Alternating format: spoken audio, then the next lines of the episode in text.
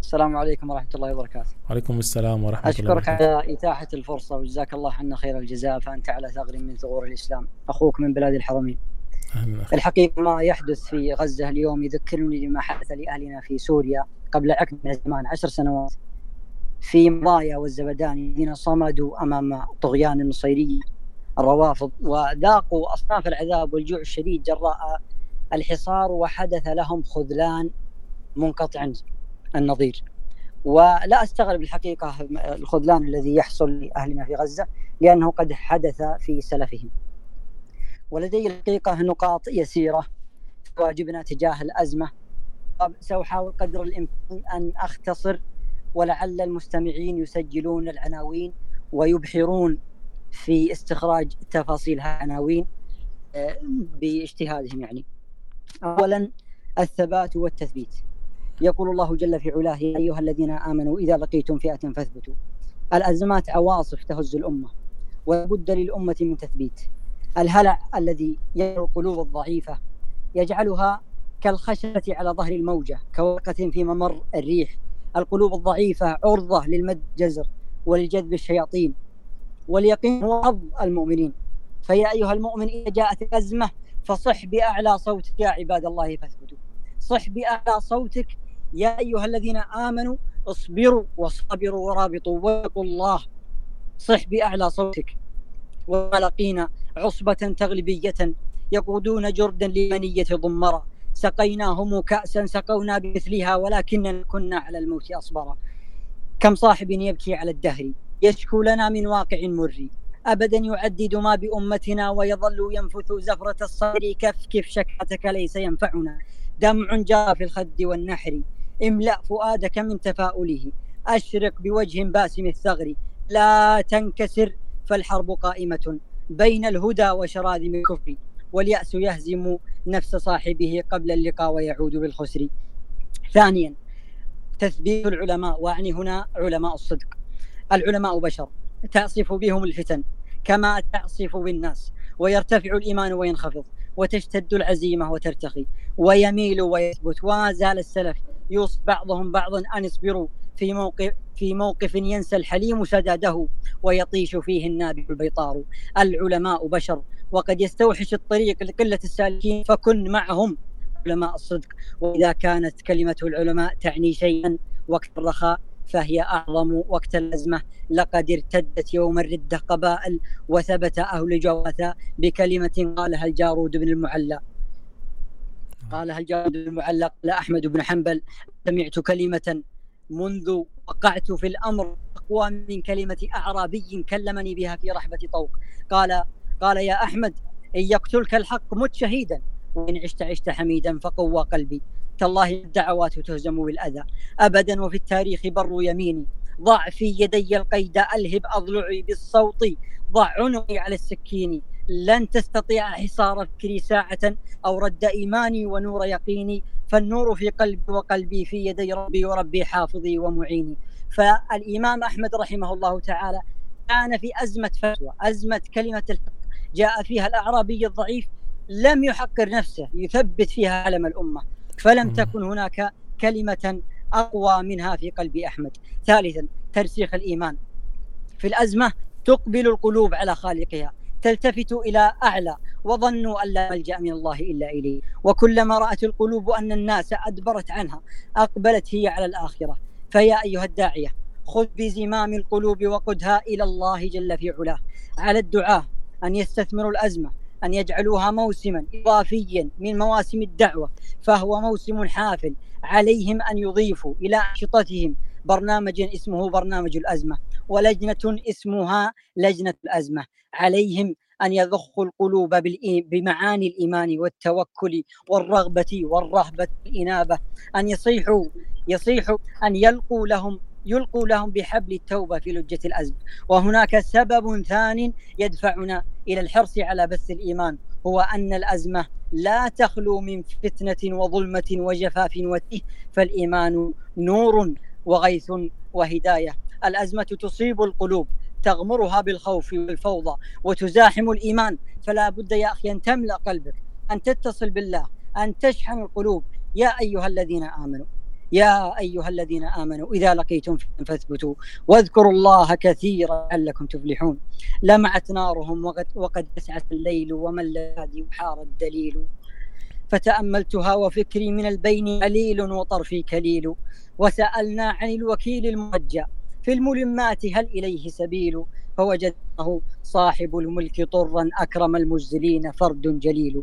رابعا استشعار الأزمة. استشعار الأزمة يا إخوة قد تمر الأزمة بالأمة فلا يبالي الرجل بما كان وما يكون. العالم يضطرب وهو في ثلاجة. كأن الأزمة مجرد شديد من شهور سنة تسير حياته فيه كما سارت في الشهر الذي قبل. لم يغير جدوله ولم يعد نفسه ولم يضع بصمته في في صفحة الأزمة. اللهم وربما نعم. اعذرني ها خذ وقتك أخي تفضل. ربما دحمته الأزمة وخنقته وفرط. إذا المرء إذا المرء لم يهتم وقد جد جده أضاع وقاس أمره وهو مدبر.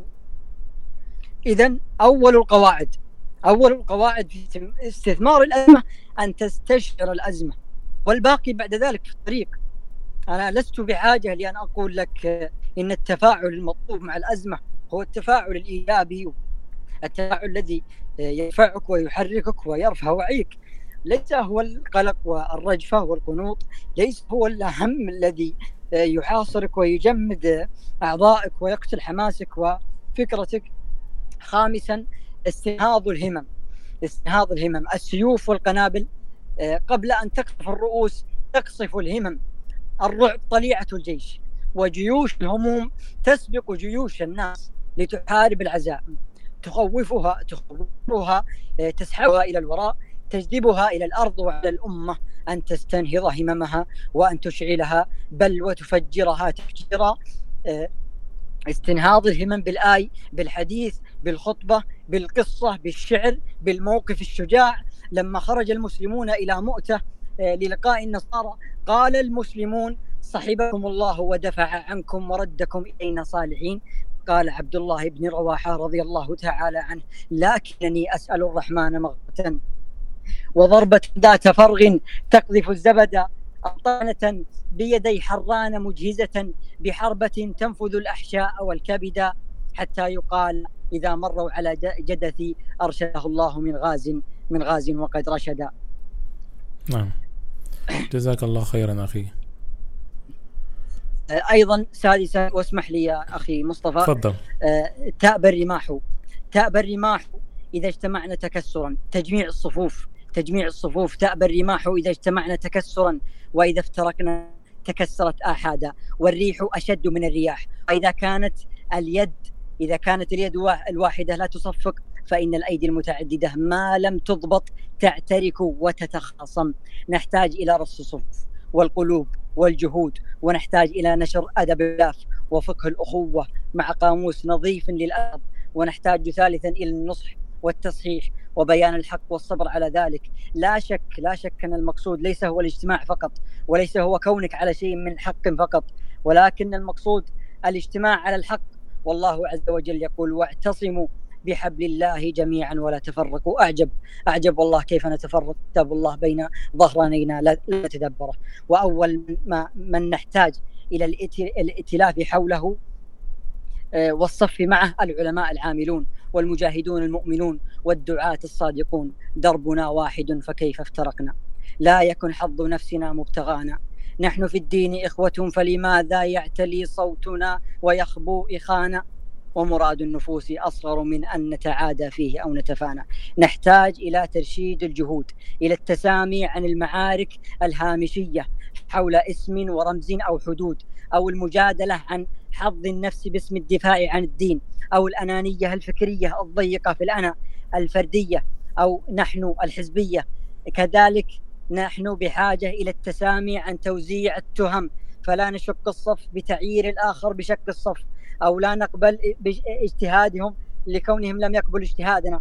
ما داموا يعني ما دام في دائرة الاجتهاد الشرعي كل هذا لا يمنع من الرجوع إلى أهل العلم ورعاية حقهم وحفظ سابقتهم ولاحقتهم ونصحهم وعتابهم والرد عليهم ببيان ما أصابوا وما أخطأوا فيه وتجنب التعصب والتجرد لله والاحتكام إلى الدليل إلى آخر الكلام المعروف. الكلام الذي يقوله الكثير. الكلام الذي تسهل كتابته ويصعب تطبيقه والله المستعان. سابعا تفعيل الأمة.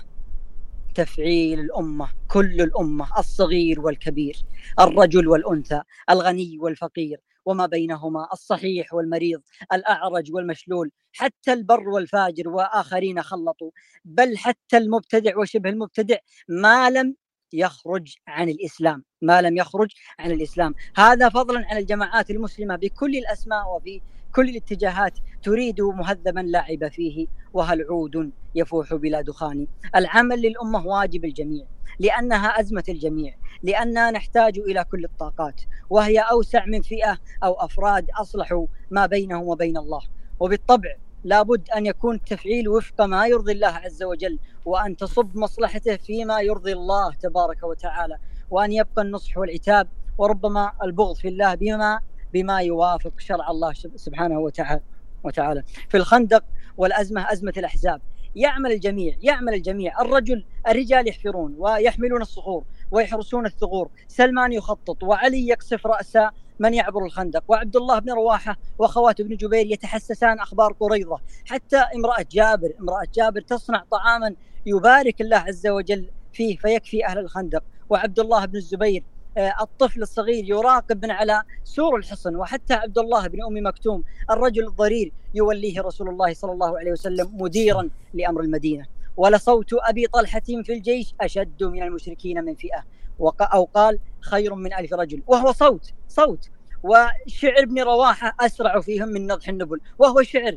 والنبي صلى الله عليه وسلم يقول جاهدوا المشركين بأموالكم وأنفسكم وألسنتكم. ثامنا الاحتساب. وكما أن الخفافيش المنافقة تخرج في الليل وتتنفذ وتضغط وتستفز وربما تبتز ويسكت عنهم يسكت عنهم من قبل المسؤول. فلا بد للمرابطين الساهرين على حصون الأمة. أن يصطادوا الخفافيش وأن يطاردوا اللصوص وأن يفعلوا شيئا ما.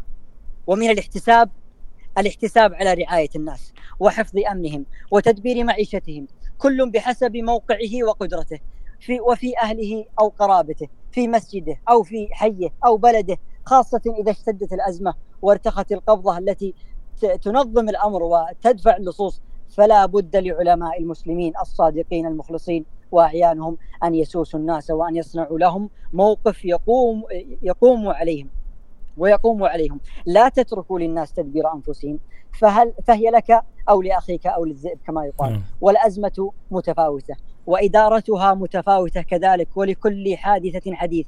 لكل لكن المقصود أن يعملوا في غلبة الأزمة على تنظيم الناس وتوزيع الأدوار وضبط الموقف سواء كان ذلك بمجموعات لضبط الأمن للمدينة أو الحي. أو بتدبير المعيشة أو بالتنسيق بين التجار والضعفة أو بتوفير الحد الأدنى من أسس المعيشة كموارد الماء والكهرباء والغذاء والتعاون في ذلك أو غير ذلك بما يلائم الحال بما يلائم الحال. وهكذا. نعم. تاسعا وأخيرا إشاعة الوعي. إشاعة الوعي. إن كانت الأزمة ضربة فلا بد أن نستيقظ. لقد نامت الأمة نومة شتوية طويلة عن سنن الله وعاده الحياة. وكيد الأعداء. نومة جلبها الخمول وحب الدنيا. نومة وزع فراشها ووسائدها أعداء الخارج والداخل الذين يخدرون الأمة يخدرونها ويهدهدونها ويقرؤون عليها قصص ما قبل النوم في المجالس وفي الإعلام بل وعلى المنابر. وجاءت الضربة خلف الضربة كاليد التي توقظك من اللوم اللذيذ. نعم الوعي ثقيل أحيانا. ولهذا قال المتنبي ذو العقل يشقى في النعيم بعقله وأخو الجهالة في الشقاوة ينعم. شعور مؤلم. أن تشعر بأن الحياة لا تصفو. أن تشعر بقسوتها بكبدها بمخططات الأعداء. بل وتنفيذهم. وليس هذا فقط.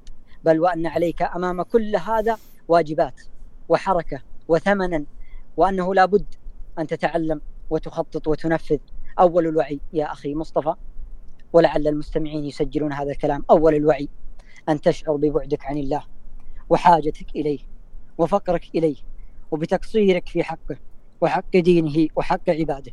ومن الوعي الوعي بالمنافقين الخفافيش البشرية التي تكمن في نهار الرخاء وتخرج في ليالي الأزمة. لقد ركب المنافقون في عهد رسول الله صلى الله عليه وسلم موجة الصحوة بعد انتصار بدر. وتمضمضوا بالعبارات الإسلامية المطاطة. فلما أصيب المسلمون بأزمة أحد ظهرت قرونهم. ففضحهم الله عز وجل كما في سورة آل عمران والنساء. وأصيب المسلمون بأزمة الخندق فظهر المنافقون. ففضحهم الله عز وجل كما في سورة الأحزاب. وأصيب المسلمون بأزمة الإفك فظهر المنافقون. ففضحهم الله عز وجل كما في سورة النور والمنافقون. جزى الله الشدائد كل خير. عرفت بها عدوي من صديق ومن الوعي الوعي بعداوة الكفار. الكفار الذين لن يرضيهم شبر الأرض ولا برميل النفط ولا الكلمة ولا البسمة. فضلا عن السكون والسكوت. والله عز وجل يقول ولن ترضى عنك اليهود ولا النصارى حتى تتبع ملتهم. ومن الوعي الوعي بسنن الله في المدافعة. ولولا دفع الله الناس بعضهم ببعض لهدمت صوامع وبيع وصلوات ومساجد يذكر فيها اسم الله كثيرا. الوعي بسنن الله في طريق النصر ولا ينصرن الله من ينصره. الوعي بسنن الله في عاقبة الظلم الذي أهلك أهله. تحكموا فاستطاعوا في تحكمهم. فأهلكوا وكأن الأمر لم يكن. لو أنصفوا أنصفوا لكن بغوا فبغى. عليهم الكفر بالأحزان والمحن. فأصبحوا ولسان الحال ولسان الحال ينشدهم. هذا بذاك ولا عتبى على الزمن. ومن الوعي الوعي بأنفسنا بمواضع قوتنا وضعفنا بمشكلاتنا الأحداث محك الأحداث محك تجربة لمناهجنا لعلاقاتنا آه، لصبرنا لتفكيرنا وأهم من ذلك كله لإيماننا. الأحداث أشعة إكس تعطيك الصورة الهيكلية ومواضع الكسر. وما دخل العدو من حدودنا ولكنهم تسربوا كالنمل من عيوبنا. ومن الوعي الوعي بمعنى النصر وحقيقته. وبسبيل النصر وطريقته وبأن الثبات في سبيل النصر هو عين المصلحة. ولو قطع الرأس وفقئت العين وعرجت الرجل ولو سجن الجسد وكمم الصوت ولو ذهب المال وانقطع الراتب فهو نصر كنصر أصحاب الأخدود. الوعي بأن الله يبتلي المؤمنين ويزلزلهم حتى يقول الرسول والذين آمنوا معه متى نصر الله. إنها دروس تحتاج إلى وعي. دروس ولكن بغير اعتبار. أيصحو الجماد إذا ما استثير؟ هو الحق مهما طغى باطل له النصر يوم النزال الأخير. ولله سهم سيمضي غدا. ولو كره المستبد الكفور. هذا والله أعلم. جزاك الله وصلى الله وسلم على نبينا محمد. عليه الصلاة والسلام. جزاك الله خيرا وبارك الله فيكم. أخي هل تأذن بنشر هذا هذه الكلمة أم فقط هذه فقط لهذه الغرفة؟ بس هذا سؤال. لا بأس لا بأس يا أخي. جزاك الله خيرا. شكرا لك على هذه المشاركة القيمة. ولعلها مسك الختام.